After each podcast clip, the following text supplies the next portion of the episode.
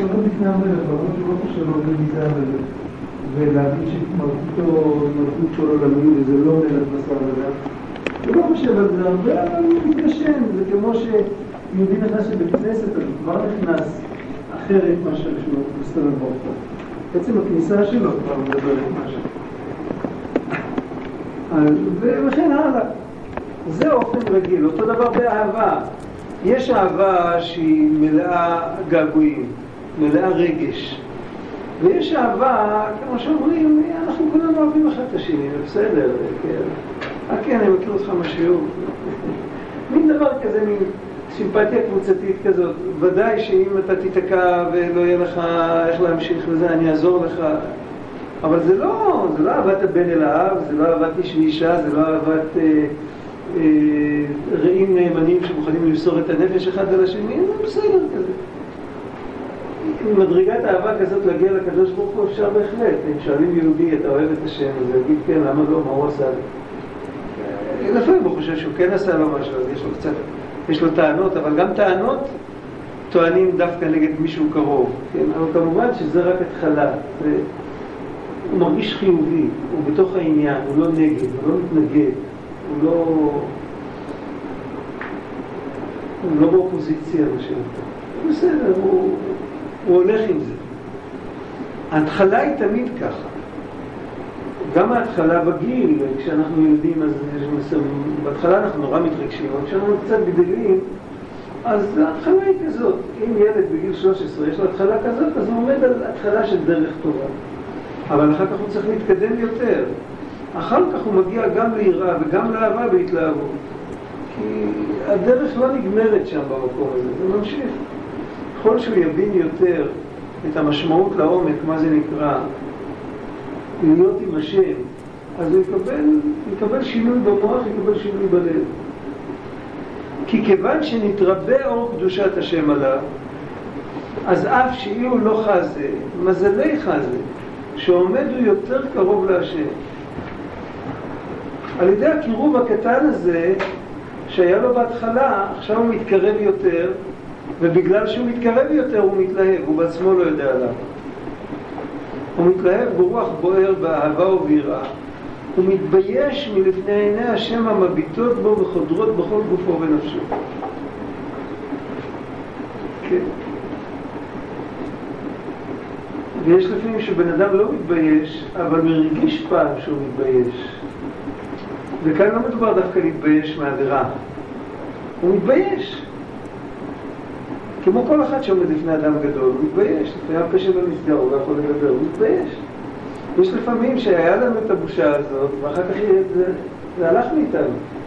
אז אנחנו מצטערים איך זה שאנחנו אפילו לא מתביישים.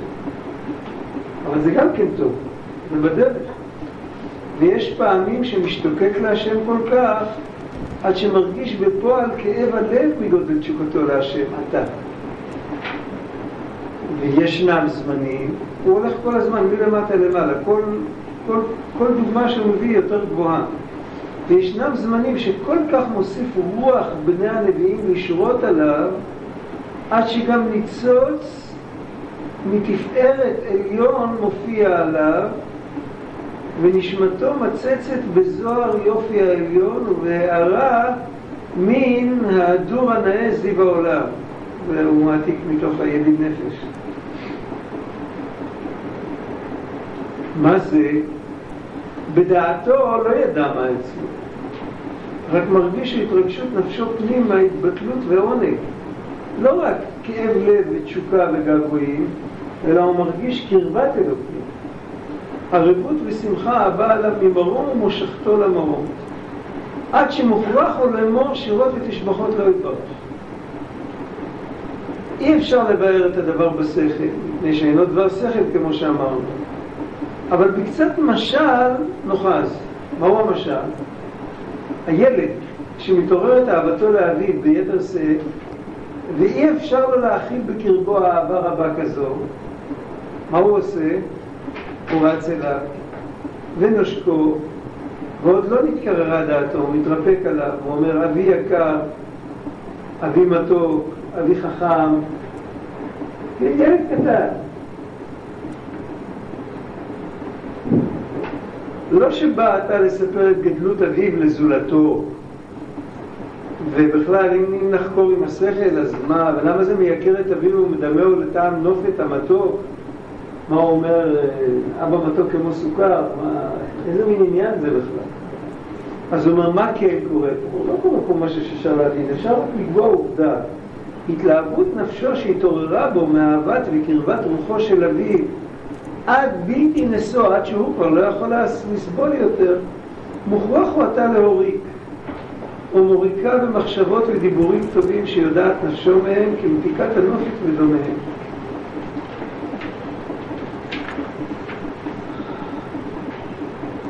בכלל, צריך כאן לפתוח סוגריים.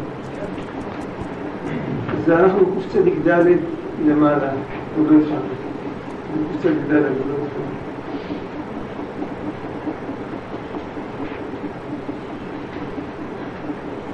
אנחנו מדברים כל הזמן על...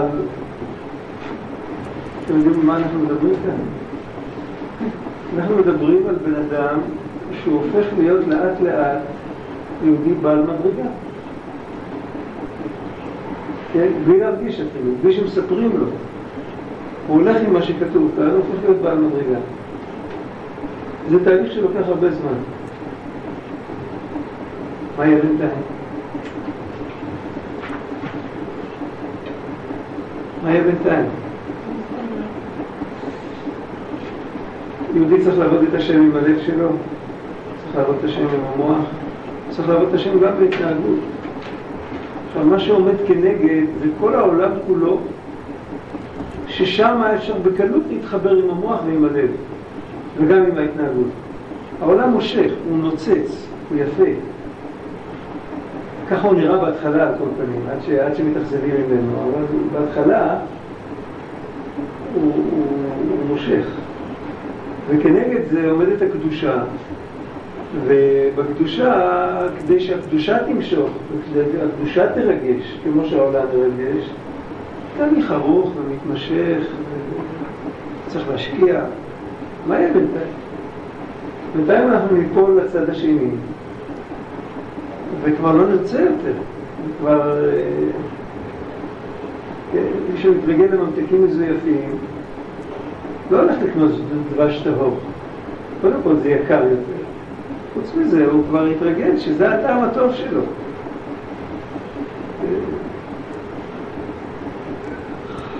אז האמת היא כזאת, האמת היא, יש אצל רבי נחמן וגם אצל רבי נתן, וגם בעוד מקומות, אבל שם הם מדגישים, אנחנו יודעים שהדרך למתן תורה עברה דרך יציאת מצרים.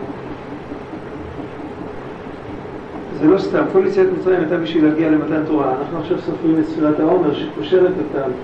זה כאילו שכל הפסח הוא החג הראשון וכל בשבועות זה החג האחרון, וכל ספירת העומר זה כאילו מין חול המועד כזה. זה קשור, ממש קשור, סופרים היום, היום, היום, כך וכך וכך. וכל זה, למה סופרים? הר"ן כותב, רבנו ניסים, אחד מגדולי הראשונים, הוא כותב שבני ישראל כשיצאו ממצרים, הם שמעו עוד במצרים, הם שמעו שהם עתידים להגיע למתן תורה, הם התחילו לספור את הימים.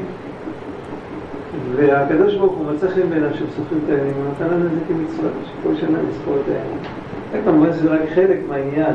מי גרם להם שיהיה להם השתפלות כזאת שהם יספרו את הימים? זה עשה הקדוש ברוך הוא. אבל על כל פנים, זה העניין.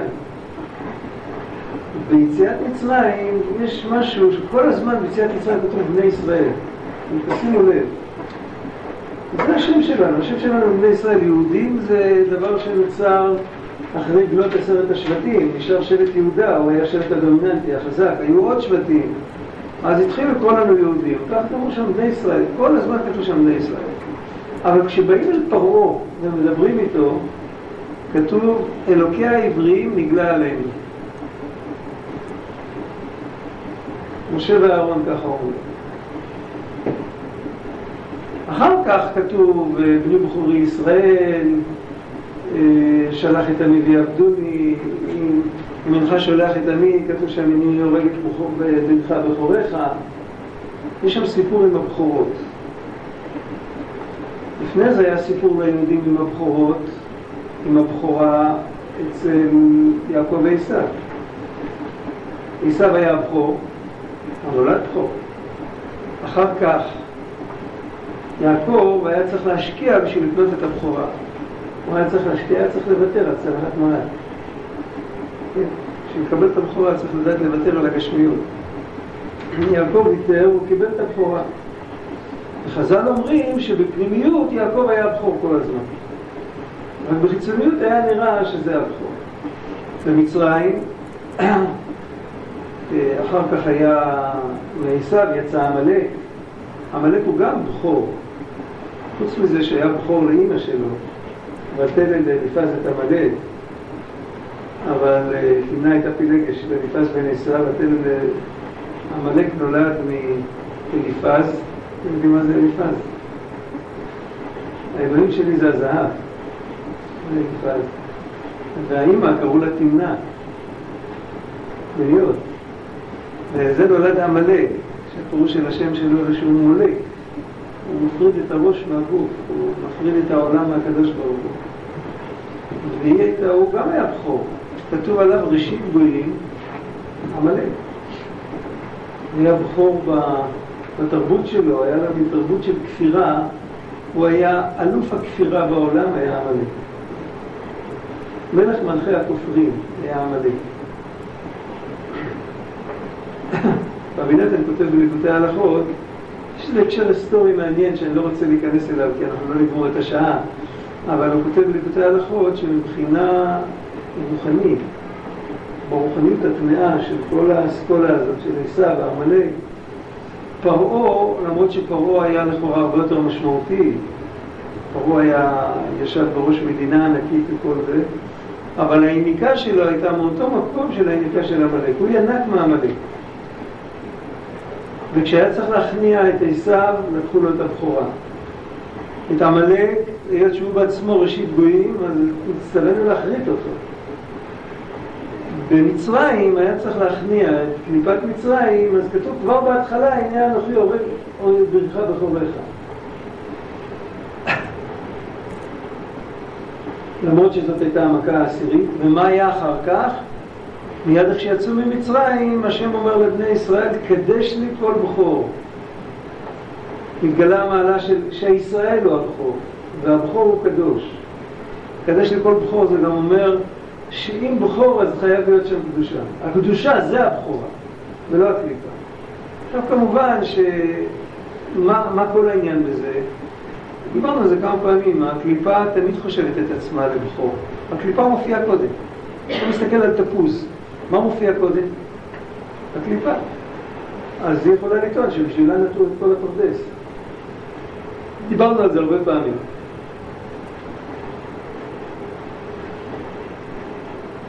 מה העניין, מה הפנימיות של זה? אנחנו יודעים, חזרנו על זה גם הרבה פעמים כבר, אבל בהקשר הזה של היום, כתבי אריזל מתחילים עם זה שהקדוש ברוך הוא רצה לברוא את העולם האור שלו היה ממלא את כל המציאות. כל המציאות, לא מדובר על, על, על, על משהו טכני, רחב, גדול. לא על כל המציאות, זאת אומרת, כל מה שרק יעלה בדעתך שיכול להיות, אז זה, זה חלק מהקדוש ברוך הוא. האור שלו, זה חלק מהאור שלו. ממילא, אז מה שלא יצא מהכוח אל הפועל, תמיד חלק ממנו. אז לא יהיו עולמות. יהיה תתגלה היכולת שלו לברוא משהו, אבל המשהו לא יהיה. כי גם המשהו רק ישדר את זה שהשם יכול. אז אין עולמות. אז מה הקדוש ברוך הוא עשה? הוא סילק את האור אל הצד, והוא עשה, הוא סילק את אורו לצדדים ועשה חלל פנוי. זה הלשון של רבי חיים שהוא כותב בשם הארי הקדוש. החלל הפנוי הזה, בו יש מקום לעמידת העולמות. אז אל תוך החלל הפנוי הזה השם יתברך ממשיך אור, אור מצומצם, שמהאור המצומצם הזה, ממנו נמשכים כל העולמות. עולמות ענקיים. אז האור המצומצם הזה הוא רק מצומצם יחסית לאינסוף. מהו הסוד של החלל הפנוי הזה? אז זה ידוע, זה כתוב בכתב מהר"ן מינימום שלוש פעמים, שלוש פעמים אני זוכר, זה כתוב יותר, שהחלל הפנוי הזה הוא בעצם הוא מלא אלוקות. לא תתר פנוי מיני. אין מקום שאין אלוקים. הוא מלא אלוקות, רק מה, הוא נותן מקום להרגיש כאילו שהקדוש ברוך הוא הסתלק מעליו. זה כמו בסיפורי מעשיות, המלך מת. משהו כזה. המלך מת והבן שלו יושב על כיסא המלוכה והוא עושה מה שהוא רוצה. יש כמה סיפורים כאלה. כאילו הקדוש ברוך הוא מסתלק, הוא שם את בעל הבחירה במקומו, והבן אדם, כאילו.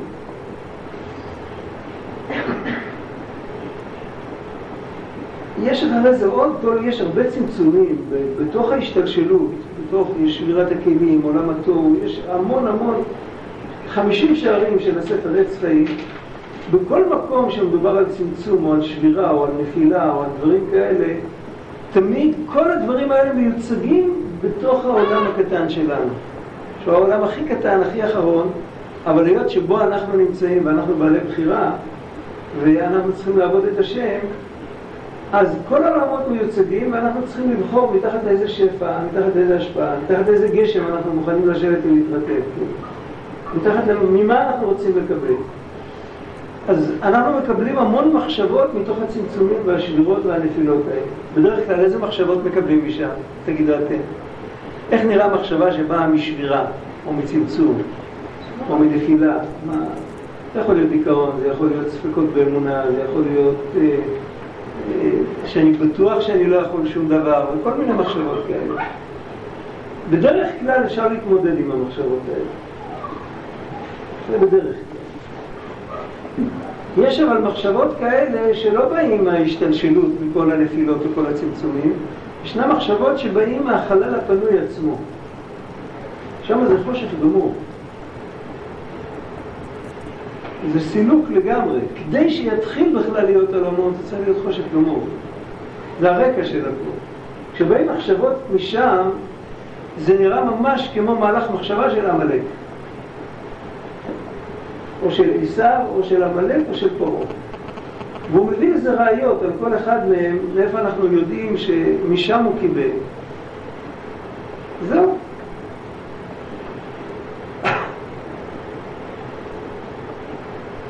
עם זה קשה להתמודד. מדוע קשה להתמודד עם זה? בגלל שכדי להתמודד עם זה אנחנו צריכים להאמין ולהרגיש שבתוך זה נמצא הקדוש ברוך הוא. אז אנחנו נוכל להתמודד עם זה. אבל אז יתבטל העולם. זה ברור? כי עוד פעם אין... כן, אין, את החלל, לא יהיה לנו איפה להיות, כביכול. בצורה סכמטית זה כאילו לא יהיה לנו איפה להיות. מה יהיה לעתיד לבוא? לעתיד לבוא באמת זה יתגלה, רק לעתיד לבוא יתגלה מין כוח כזה, תכף נדבר על זה. איך זה? לעתיד לבוא יתגלה כוח כזה שבאמת יתגלה שהכל מלא אלוקות, ואף על פי כן העולם לא יתבטל. זה יהיה נס, זה יהיה הנס הכי גדול. כמו עומדים צפופים או משתחווים רווחים, משהו כזה. אבל זה נס. מה עכשיו? מה קורה עכשיו אם באים עם מחשבות כאלה? זה בעצם התוכנית של כל שונאי ישראל, אה, איך קוראים להם, אה, עמלק ופרעה והמן וכל אלה, זה לא מלחמה סתם, זה מלחמה מנטלית, זה לא מלחמה עם סכינים. זה לזרוק לתוך היהודי את המחשבות האלה ולהפיל אותו, ושהוא לא יכול לקום. בשביל זה כתוב על מצרים, במדרש כתוב שמצרים אין עבד יכול לברוח משם. בעיקר המדרש מתכוון על היהודים. היהודים לא יכלו לצאת משם. בגלל שהם הם השתעבדו גם בתוך המוח. מי אומר שזאת האמת? זה מתחיל, העיקר הדדין הקשיא, מה שנקרא. הם מתחילים לשאול אותך קושיות על הבסיס. מי, קבע בכלל? אתה תגיד, אתה תוכיח לו כמו שתיים ועוד שתיים זה ארבע, אבל מי אמר ששתיים ועוד שתיים זה ארבע? הוא לא עוזב אותך עד שהוא לא מפיל אותך לגמרי. מה עושים אם מחכים? לכן שלח השם יתברך את משה רבנו לפרעה ואמר לו, אל תגיד לו בני ישראל, אחר כך תגיד לו בני ישראל. בהתחלה המילה הראשונה שתגיד לו, תגיד לו שאתה עברי. אלוקי העבריים. מה זה עברי? רבי נחמן אומר, עברי זה שיכול לעבור את החלל הפנוי ולהתחבר ישר לקדוש ברוך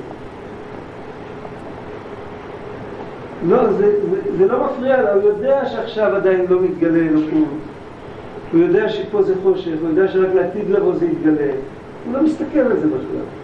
איך הוא מתחבר ישר לקדוש ברוך הוא עם הדיבור, עם התפילה. אני לא רואה אותך, אבל אתה רואה אותי בדיוק אותו מנגנון פסיכולוגי פשוט שבו אפשר לדבר עם מישהו בטלפון. כן? אז זה לא רק עם מישהו שראיתי, אני יכול להתקשר למישהו שאף פעם לא ראיתי אותו. אני יכול לא לדעת מי הוא, אני יכול כן לדעת מי. יכול להיות שהוא החבר הכי טוב של חבר שלי, ואני יודע עליו הכל, אבל אף פעם לא דיברתי איתו. עכשיו אני יכול להתקשר אליו, אני יכול לדבר איתו. אבל ודאי שאני ארגיש המון דברים תוך כדי שיחה, וזה בכלל לא חשוב איך הוא נראה. אני, אני ארגיש את הקרבה שלו הרבה יותר מה שאם הייתי רואה אותו במרחק מטר ולא הייתי מדבר עליו. ויכול להיות אפילו שהמראה היה מבלבל אותי. בהחלט יכול להיות. יהודי נקרא עברי בגלל שהוא יכול לעבור על הכל. עכשיו, מאיפה הוא מקבל את הכוח הזה?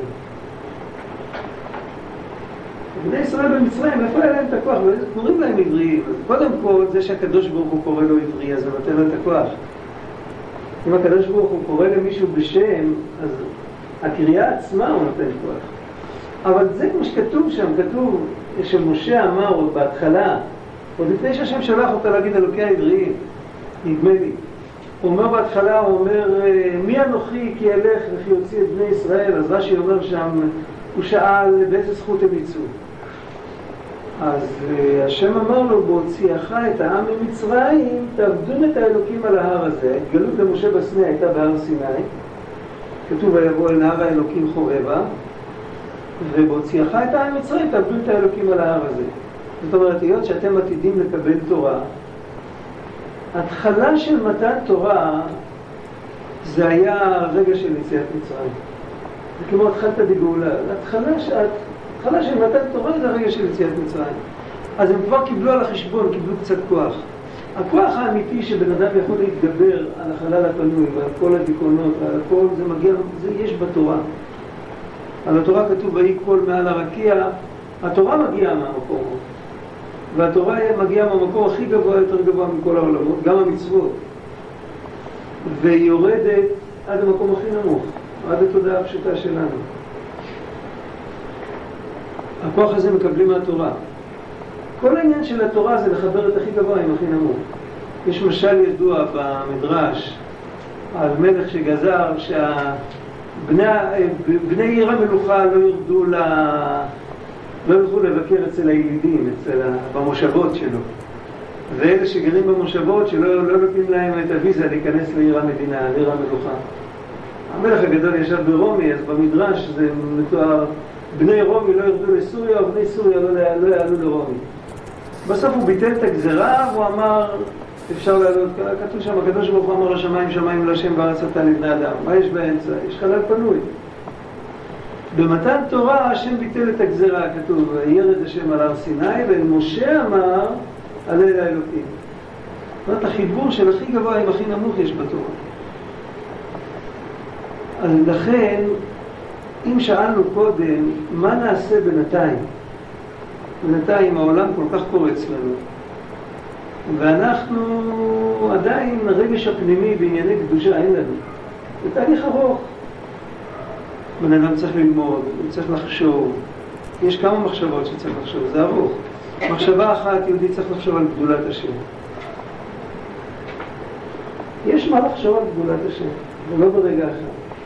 צריך לחשוב על חסדי השם, על כל מה שהוא עשה איתנו במשך כל הדורות, על הבחירה בנו. יש מה לחשוב, עד שמתעוררים באיזשהו רגש. זה לוקח. אפשר לכתוב על זה מחברית שלמה, רק התבוננות אחת בגבולת השם. וגם הטבע שלנו שכל פעם צריך להחליף ולחשוב על פרטים אחרים. כי אם כל פעם נחשוב על אותם פרטים, זה יהפוך להיות טכני, זה כבר לא ידבר אליהם. כמו שרוצים להתפעל מתמונה של צייר יפה, אז מסתכלים על זה כל פעם, צייר שצייר ציור יפה, עבודת יד. אז אם רוצים באמת לעולם ועד להתפעל מזה, צריך כל פעם לראות את זה באור אחר. פעם בשמש, פעם בירח, פעם בנר, פעם ב... אז כל פעם אפשר לראות דברים חדשים. רואים את זה כל הזמן, זה מונח על הקיר, באותה זווית, כל הזמן. אז כל יום לפני הצהריים אני רואה משהו אחד, אחת צהריים אני רואה משהו אחר, מחר בוקר אני רואה פעם אותו דבר. אולי חורף קיץ יש את זה. אבל חוץ מזה נכנס מסטטיות כזה, זה מתחיל לשעמם אותי. אבל אצל הקדוש ברוך הוא אפשר כל הזמן להתחדש, אפשר כל הזמן לראות מחדש את מה שהוא עשה, זה עבודה. ואז הבן אדם לאט לאט מתקדם. הוא מקבל רגש חיובי יותר, הוא מקבל יראה יותר, הוא הופך להיות יותר רציני, הוא לוקח אחריות, הוא יודע שזה לא משחק, וכל זה. עכשיו, זה לוקח זמן, וכנגד זה עומדים כל התאוות והפיתויים. אה, כשהיא הולכת לקנות פיצה לא צריך להתבונן, לא צריך לכתוב מחברות, וכמה שקלים מקבלים את זה, וזהו, עם הכשר, בלי הכשר, הכל אותו דבר. איך אפשר לעמוד מול כל זה? אז הכוח לעמוד מול העולם ניתן לנו ברגע שהשם אמר למשה, אלוקי העבריים. אנחנו יכולים לעבור על הכל. אם אפשר לעבור על הקליפה של פרעה, ועל הקליפה של עשיו, ועל הקליפה של עמלק, ועל הקליפה של המן, ועל החושך של החלל הפנוי, בוודאי ליהודי יש כוח לעבור על היצר הרע שלו. אני באמת קטן, והיצר הרע שלי הוא גדול כמוני, אותו דבר, יכול להיות שאפילו יותר גדול. אבל את הכוח שיש לעבור על הכל, זה לא הכוח שלי, זה מה שאני רוצה להדגיש, מה שקשור כאן, זאת לא המדרגה שלי. אין לי מדרגות. אני רק עכשיו התחלתי, אין לי שום מדרגה. אבל יש לי כוח מהתורה שמבחינת התנהגות, לא מבחינת מדרגות, מבחינת התנהגות אני יכול להתנהג כפי שהשם רוצה, ולא להתחשב בשום דבר אחר. שום דבר לא יעניין אותי בכלל. יש לנו את הכוח הזה. ש... אז מה אנחנו לומדים פה? מה כל הסיפור של ההתעוררות והמדרגות וכל זה? מה שאנחנו לומדים כאן זה הכל כדי, מתוך כל הציוויים שהשם ציווה אותנו, יש שניים שהם מאוד מרכזיים. מה הם השניים האלה? מצווה אחת ואהבת את השם אלוקיך. מצווה שנייה זה את השם אלוקיך תירא. הם שתי מצוות. ושתי המצוות האלה אי אפשר לקיים בהתנהגות. אין, התנהל, אין התנהלות מסביב למצוות האלה, זה רק בלב. והן מצוות כלליות. הרמב"ן כותב שכל כל מצוות עשה אמיתית נובעת מאהבת השם. וכל מצוות לא תעשה אמיתית נובעת מיראת השם. כל קיום שלא תעשה אמיתית. מצוות כלליות, ואנחנו מזניחים את המצוות הכלליות האלה, אפילו אם נעבור על החלל הפנוי, ואנחנו עם מסירות נפש נקיים את הכל, לא שלא נחזיק מעמד, יכול להיות שכן נחזיק מעמד, אבל בכל אופן הלב שלנו עדיין איתו, לא, הוא לא זז. יש לנו ידיים ורגליים שעובדים את השם ועיניים, אבל הלב לא זז. הקדוש ברוך הוא אומר שהוא רוצה גם את הלב. אז לכן אנחנו צריכים ככה, מה שצריך לעשות, לא להתבלבל פה. וזה בעצם מה שהוא התחיל, מה, ש... מה שהתחלנו היום. להתחיל צריך לעבוד, לא צריך להתחיל לחפש מדרגות. להתחיל צריך עם התנהגות שלנו. מה, ב... במה, באיזה דברים יש לנו בחירה בהתנהגות? בחירה בהתנהגות, הכוונה בחירה מרגע לרגע, מעכשיו לעכשיו. ומה יש לנו בחירה? קודם כל במעשי, בוא נגיד שמישהו נורא הרגיז אותי ואני כועס. אני מאוד כועס, אבל על כל פנים יש לי בחירה לא לתת לו סטירת לחי. זה מינימום. גם לא לקלל אותו. והפתעה גמור, הפתעה גדולה, יש לי גם בחירה להוציא ספר מהארון ולשקוע בתוכו ולשכוח. לחפש את הספר הכי מעניין בעולם. יש לי בחירה. יכול להיות שקשה לי להתרכז, מישהו פגע באיזה, אני כל הזמן חושב על הפגיעה. מסתובב לי תקליט בראש. אבל אם אני אשכח באיזה ספר מעניין, אני אשכח. יש לי בחירה. מה אני אעשה אם זה יתפוס אותי באמצע שטיפת כלים, אז זה באמת בעיה. או באמצע נהיגה או משהו כזה, כן? אבל, אבל בגדול יש בחירה. יש בחירה לבן אדם, גם במחשבה. עם זה צריך ללכת עם הכוח של אלוקי העבריים. לעבור על הכל פשוט לא לשים לב. במקביל צריך להתחיל לקחת, בן אדם צריך לקחת לעצמו זמן, הוא צריך לחנך את התודעה שלו שהשם הוא האבא האמיתי והוא המלך האמיתי ושצריך לפתח אליו יחס יותר חיובי. גם זה צריך לנבוע מתוך זה שזה מצווה. עכשיו רק בסוגריים, עוד בסוגריים, בתוך הסוגריים, אנחנו הרי יודעים שיפה שעה אחת בתשובה ומעשים טובים בעולם הזה יותר מכל חיי העולם הבא. בחיי העולם הבא יש הרבה מדרגות, יש גן עדן, שאין לנו השגה. כתוב ברמב"ם שכמו שעיוור בלידה לא יכול לדמיין מה זה צבע, ככה אנחנו לא יכולים לדמיין את העונג הרוחני של הגן עדן. זה גן עדן. יש מדרגה שנקראת לעתיד לבוא עולם הבא, תחיית המתים, שזו מדרגה יותר גבוהה. ככה הרמב"ן אומר, ככה אומר הארי הקדוש. זה הרבה יותר גבוה מגן עדן. ששם מתגלים עניינים כאלה שהגן עדן לא יכול לקבל, לא יכול לקבל אותם. מתגלה משהו אינסופי. ויש משהו שעוד יותר גבוה מזה. עוד יותר גבוה מה, מהגילוי האינסופי שיהיה בתחיית המתים. בגלל כבוד השם. מה יותר גבוה מזה?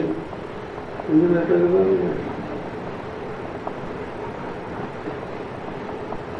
יפה שעה אחת בתשובה ומעשים טובים בעולם הזה יותר מכל חיי העולם הזה. אז יש לנו מצד אחד את כל המדרגות העליונות. גם בתוך החיים שלנו יש מדרגות עליונות, כל אחד מה שהוא זוכה להשיג בתוך, בתוך הגוף, עם הנשמה, שהוא מקבל רגש יותר גדול, הוא מקבל מדרגה יותר עליונה. ויש את העבודה הפשוטה לשמוע בקול השם. עכשיו, מה שאנחנו לומדים כאן, אנחנו לומדים את החיבור של שני הדברים האלה. הוא מדריך אותנו כיצד להגיע לאהבת השם וליראת השם. אבל הוא לא שוכח להגיד לנו שזה בא מתוך המצווה. אז יש בו גם את המעלה של תשובה ומעשים טובים.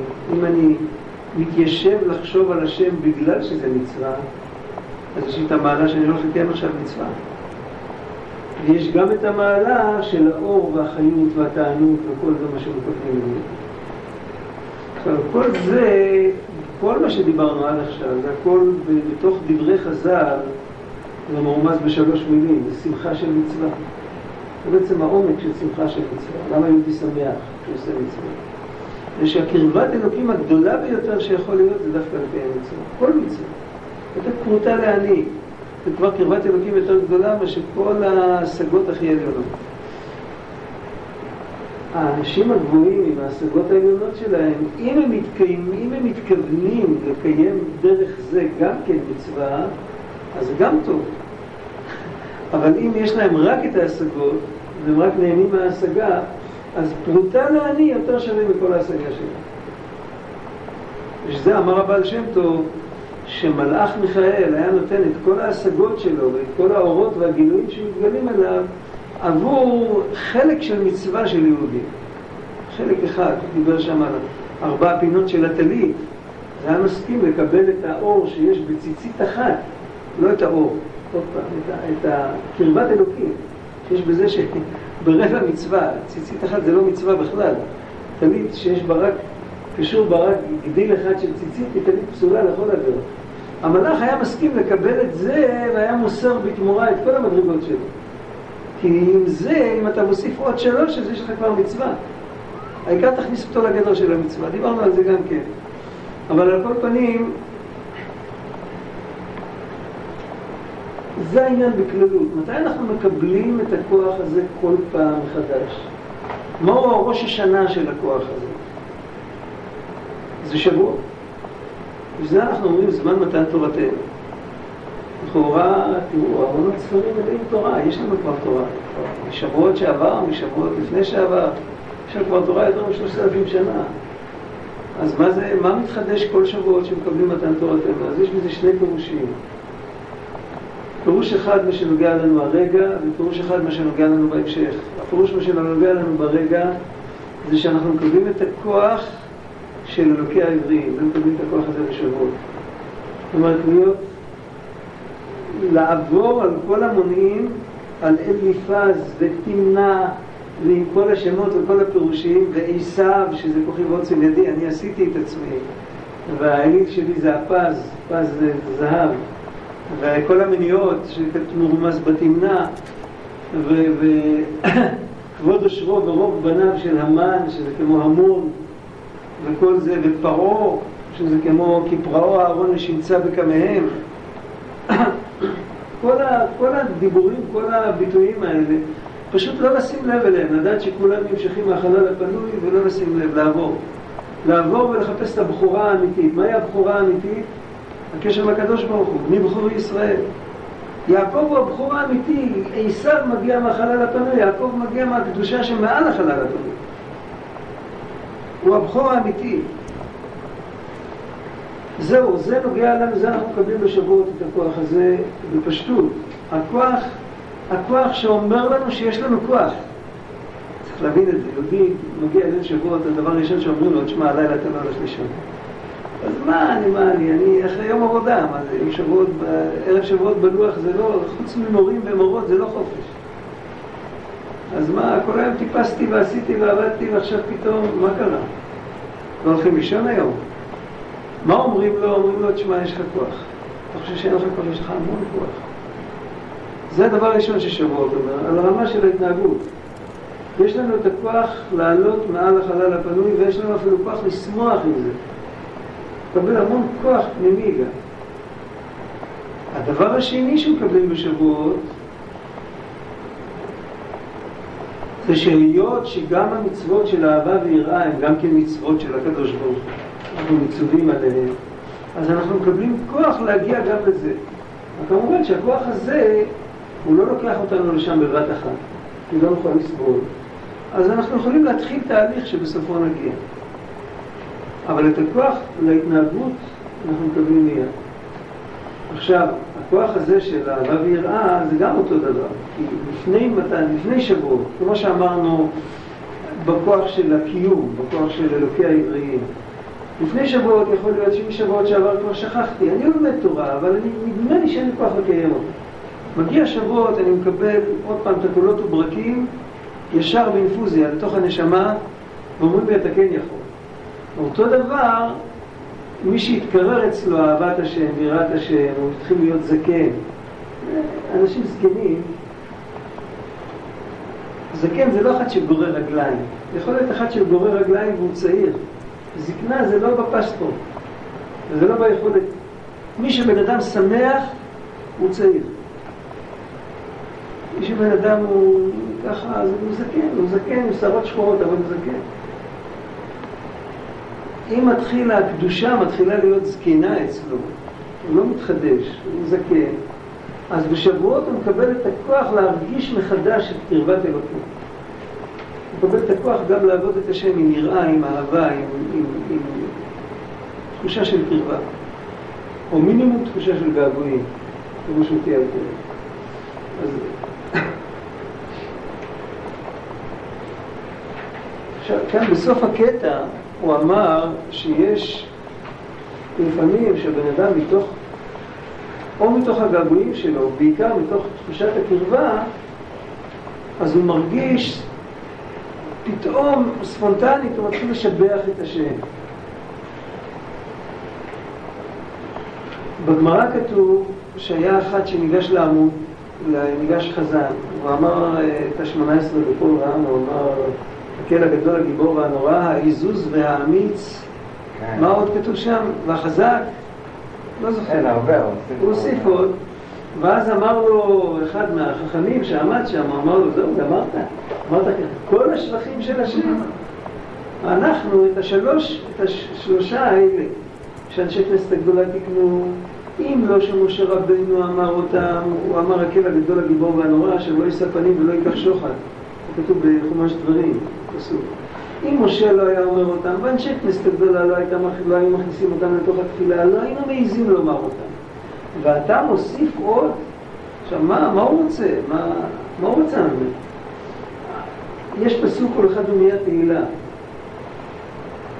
תחשבו שילדים קטנים מתאספים מסביב לרב של השכונה, ואחד אומר לשני, משחקים ככה, רואים אותו עובר, וואי, אתה יודע, הוא יודע את כל האותיות שלנו. טוב, הרב מוותר להם, הוא בטח צוחק, אבל אם יש שם ילד בכיתה ב', שהוא קצת יודע יותר, אם תשתקו, זה לא יפה לדבר ככה. כל הילדים אצלנו בכיתה יודעים את כל האלף. כשאתם אומרים את זה על הרב, זה פשוט לא יפה. עכשיו, כשבן אדם בא לשבח את הקדוש ברוך הוא, אז מה, מה אתה משבח? מה, אחרי ש... כל מה שנשבח זה יהיה בערך כמו הילדים הקטנים של הגן, בעצם עוד הרבה פחות. אז, אז למה, למה אנחנו משבחים? זו הטענה שהייתה לו, הוא אמר, אלא מה? התורה כתבה כך, הקדוש ברוך הוא נתן לנו רשות לשבח אותו בשלושת המידות האלה. למה? שיהיה לנו בכל אופן, כמו שנותנים למישהו מדרגות. כשהוא עומד על המדרגות הוא עדיין לא בתוך הבית, אבל בלי המדרגות הוא בכלל לא יוכל להגיע. זהו, זה מה שהגמרא אומרת שם. אף על פי כן, באמת בתפילת עמידה אנחנו רק אומרים הגדול הגיבור והנורא. אבל תסתכלו בנשמת כל חי, כמה שבחים יש שם, בלי סוף. המורר ישנים יום כסנדנים, המסיח ימים, המפנח נעלמים, בלי סוף. מה? אז למה שם מותר? מה ההבדל? אומר שיש הבדל בכוונה של האומר. כשהאומר בא לשבח את השם ולתאר את גדולת השם, אז עדיף לו שישתוק. אלא מה? נתנו לנו רשות בשלושת אלה. אבל אם הוא לא בא לתאר את השם ולדבר את גדולת השם, הוא רק בא לשפוך את מה שיש לו בלב ועולה על גדותיו, זה מותר לו. הוא יודע שזה לא זה, רק הוא כבר לא יכול להחזיק, אז מותר לו. זה מה שהוא אומר, זה החילוק בין השבחים שאסור להוסיף על אלו שאמרה משה רבנו ואנשי כנסת הגדולה, שאמרה משה רבנו ואנשי כנסת הגדולה תקנין הוא בתפילה, ובין השירות ותשבחות שמוסיפים בנשמת, בעניים זמירות, בשיר הייחוד וכדומה. כי לספר רק את גדלות השם, כאן ההדגשה, ההדגשה על המילה לספר, לספר את גדולת השם, אסור לנו להוסיף. כמו שמדויק בדברי רבי חנינא, שאמר לו, זה היה החכם, שאמר לו בצד, אמר לו סיימתינו לכו לשבח את דמרח? אתה כבר גמרת את כל השבחים, הוא צעק עליו, למה הוא הוסיף? כי הכיר בו שרק את שבחי השם הוא בא לספר, וזה אסור. אבל השבחים והשירות ששרים מגודל התלהבות ותשוקת נפשנו אליו, זה מוסיפים ואומרים. ועכשיו הוא אומר שזה כתוב בתוך, בתוך התשבחות האלה, זה כתוב. ובראשית עניים זמירות אנו מקדימים, עניים זמירות, מדוע עניים זמירות? כי אליך נפשי תערוב. לא בגלל שאני עכשיו הולך להסביר את הגדולה שלך, אני פשוט לא יכול להתאפק, אני חייב לדבר איתך ולהגיד לך את הדברים האלה. ואותו דבר, נפשי חמדה וכולו, הוא אומר לי בי, דודיך. על כן אדבר בך נכבדות, בגלל זה. למה בגלל זה? בגלל שאני לא יכול להתאפק יותר, לא בגלל שאני בא להסביר אותך. זה צריך להסתכל, לא בכל הנוסחאות זה מופיע, על מי שלא, מי שבסידור שלו זה איננו, בשביל להבין את זה, לא לקחת סידור ולהסתכל על מה הוא מדבר. אני לא ציטטתי את כל ה... זה בכל אופן, זה הכמה, הכמה ההתחלה. לא לתאר ולסיים את שבחי השם בנו.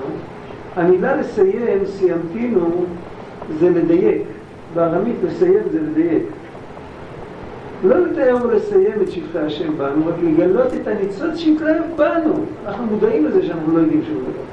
אבל את ההתלהבות שלנו אנחנו חייבים להוציא עם הפה. ולא סיפור לבד שמספרים עליו. ולא את התוכן לבד שיש במשמעות הדיבורים והתיבות אנו מספרים. זאת אומרת, כשאנחנו אומרים הודו להשם קראו בשמו, שאומרים עלילי נפשי את השם, אנחנו לא לומדים את, ה, את הפרק. רק מה? נשמה יתרה חופפת על הדיבורים הללו. מה הראיה? כי לספר את המעשה היה די בשתיים, בשלוש תיבות. כל מה שכתוב בכל מי...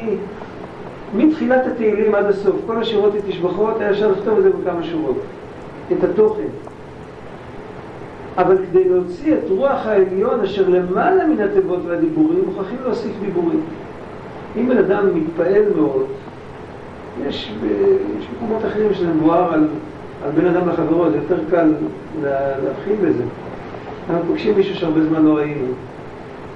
אז יש כמה, יש אופן אחד, נותנים יד. אי אפשר למלא לחם.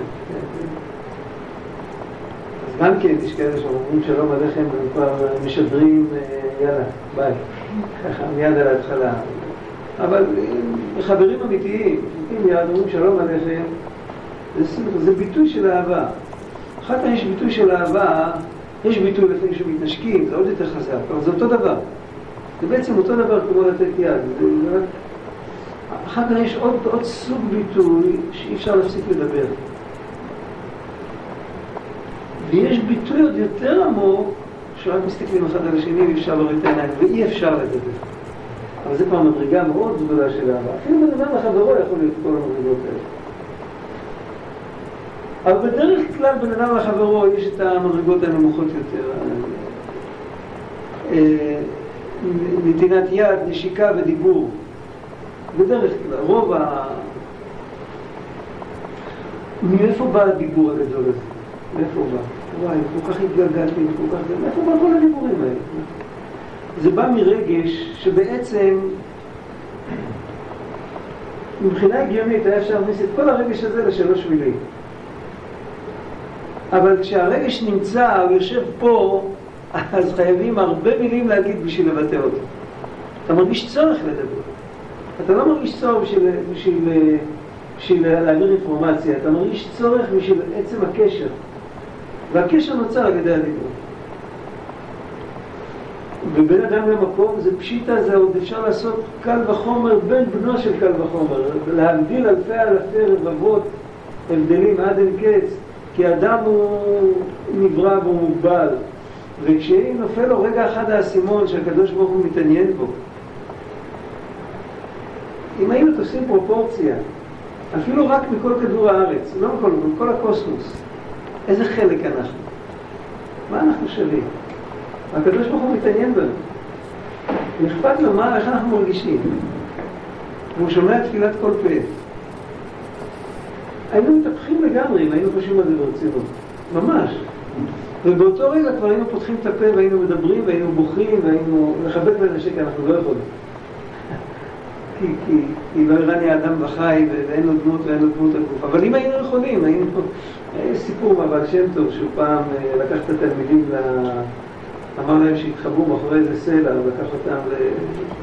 הוא רוצה להראות להם משהו, הגיע שם איזה רועה יהודי, שהוא ראה את הכנסים של הפריץ הגוי, והגיע ואמר, התחיל לצעוק, ריבונו של עולם, אני כל כך אוהב אותך, אני לא יודע מה לעשות לכבודך, אני אחלל בחליל לכבודך. הוא מחלל, מחלל, מחלל, עד שאין לי כוח יותר, הוא על הארץ, הוא שוכב, הוא קם עוד פעם. הוא אומר, כל כך אוהב אותך, נרקוד בשבילך, רוקד עד שהוא נופל, אחר כך אני אעמוד על הראש לכבודך. עומד על הראש עד שהוא נופל כמו שק. אחרי זה עוד פעם הוא קם, אתמול היה יום הולדת לפריץ, הוא נתן לכל אחד מהמשרתים שלו, הוא נתן מטבע של עשרים אגורות. עשרים מטבע, זה כן, יותר ממה שהיה עשרים אגורות. אני כל כך אוהב אותך, אני נותן לך את המטבע במתנה. אז הוא לוקח את המטבע וזורק את זה כלפי מעלה, והתלמידים של הבעל שם טוב סיפרו שהם ראו יד נשלחת ולוקחת את זה. הקטע הכי מרגש בסיפור, בשביל לבכות. אז אה, הבעל שם טוב אמר להם, או שהם אמרו אחר כך שהוא קיים בכל לבבך, ובכל נפשך, ובכל מאודיך שלא על מנת לקבל פרס.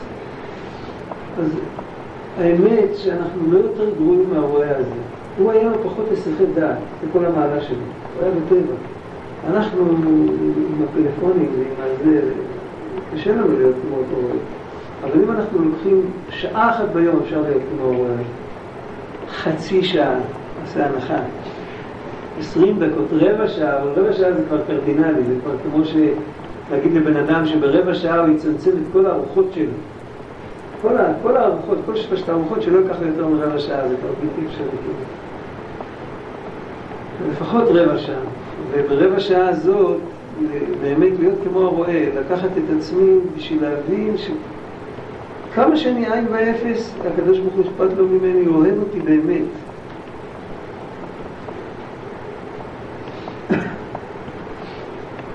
אז כבר הכל נפתח, אז הרבע שעה פתאום יהיה קצר מדי. אז לא צריך להסתכל על השעון שיעבור רבע שעה. כי ככה הטבע, כשהלב מתמלא אז הפה מדבר. ושבחים כאלה מותר לומר, בלי סוף. אין שום בעיה. אבל אם בן אדם בא מבחינה קוגניטיבית, לשבח את השם, לתאר אותו, לתאר אותו רק מה שהנביא אמר ואנשי כנסת הגדולה אמרו, אנחנו לא יכולים לתאר את השם. אנחנו רק יכולים להגיד, לית מחשבה תפיסה בחקלם. אנחנו נשאיר את זה פה, היום מאוחר, נשאיר לכם יום ירושלים שמח, ושבוע הבא זה ליל שבועות, יום שלישי בערב זה ליל שבועות, ועוד שבועיים בלי נטו.